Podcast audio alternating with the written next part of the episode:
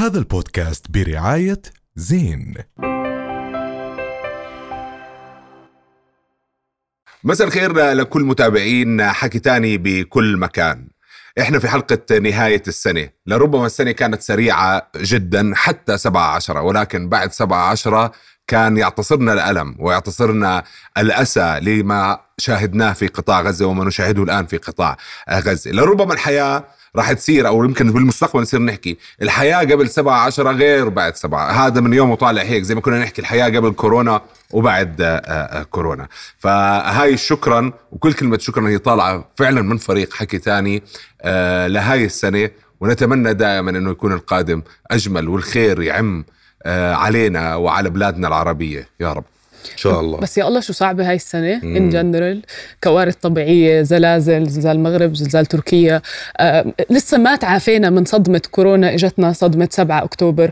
آه أعتقد ما في تعافي من صدمة 7 أكتوبر وما بدنا يكون في تعافي بدنا يكون في تحرير بدنا يكون يضل هذا الحديث مستمر إلى أن يحدث تغيير حقيقي. بس إحنا يعني مش تعبنا من الصدمات لا. آه. يعني كثير هيك كله ورا بعض. أنا لساتني فرحة توجيهي مثلا بس بس هي مبسوط إني جاء توجيهي لليوم. هي كان فرحتش كثير هي كانت آه، صحوة مفاجئة. يعني آه، أو كنا في غيبوبة إحنا لربما.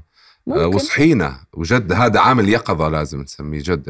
هو عامل يقظة بس بنفس الوقت يعني هو أكيد في تضحيات صارت وأكيد في يعني بس في عجز آه في ضعف كبير. يعني ما بعرف إذا أنتم حاسين هذا الشعور؟ بتعرفي لا عم إحنا عم عم يعني عم نستكشف أو عم نختبر هذا العجز أو عم يعني عم عم نحاول نلاقي حلول لهذا العجز. واللي هيك بيعزينا تقريبا اللي هو جيل كامل اليوم عم تشوف صحوته كاملة.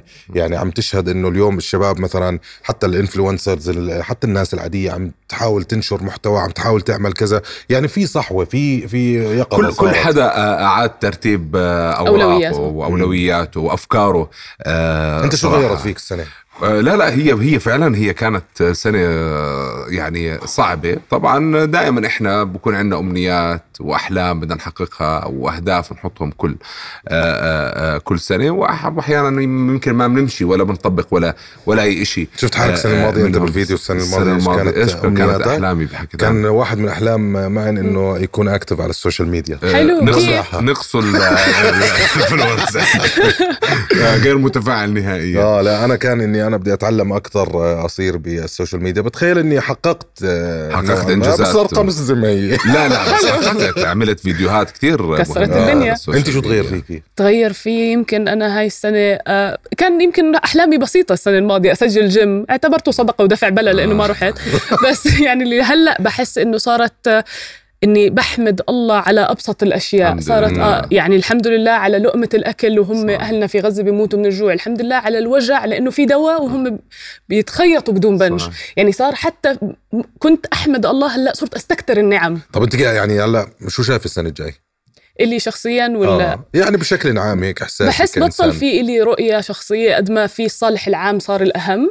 حاسة إنه بهذا الوعي اللي عم نعيش فيه رح يصير في شكل جديد للعالم العربي من خلال هاي الحرب. أتوقع فلسطين رجعت على البوصلة وعلى المقدمة ورجعت لمكانها الصحيح. مم. فأنا باعتقادي لو شو ما صار كانت نتائج هاي الحرب فإحنا انتصرنا أتليست بأنه نرجع على المقدمة. معني إيش شايف السنة الجاية. يمكن أنا بهاي اللحظات جدا متشائم يعني. واضح عليك. آه. آه ما بعرف الخذلان كمان اللي صار وكيف إحنا صرنا نشوف هاي المشاهد والواحد غير قادر إنه يعمل أي شيء آه مع إنه دائما نحكي إنه الواحد بمك من مكانه بيقدر يعمل كثير أشياء. آه بس مش مش قادر أتخيل آه، لسه الحرب والعدوان مستمر على قطاع غزة ولسه المشاهد بتوجع ولسه أهالينا عائلات آه، بالمئات عم بيستشهدوا فيعني صعب جدا. مش أحمد بس الحياة راح تختلف أكيد بعد. أنا أنا بحس آه، صراحة إنه بلش مشروع نهاية دولة الاحتلال. بحس بداية انتهاء هاي الدولة بالعالم. آه، نظرة العالم لها بلش آه، خلص يعني بتتفكك هاي الدولة بتفكك هذا البعبع كل السنين كنا مقتنعين فيه. آه هذا على مستوى على على صعيد آه اللي عم بيصير الأحداث آه في غزة. على الصعيد الشخصي آه أنا السنة الجاية بدي أروح على الجيم. هذا كل ببساطة. يا ريت ما تكون صدقة زيي